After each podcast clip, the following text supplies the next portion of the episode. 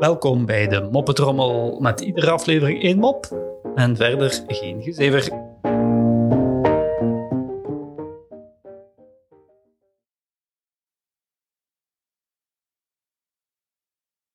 Een man stapt op de trein en ziet een non zitten. Hmm, die misdenkt hij en eh, gaat naar haar toe.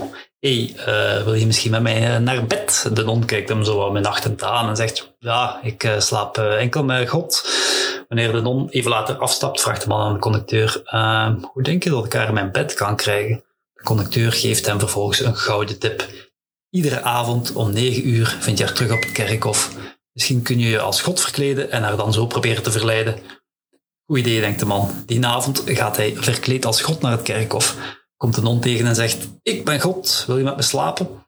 De non stemt toe en niet veel later liggen ze in bed. Wanneer de man klaar is, trekt hij zijn pruik af en roept: Haha, ik ben die man van de bus. Waarop de non haar kapje aftrekt en roept: Haha, ik ben de conducteur.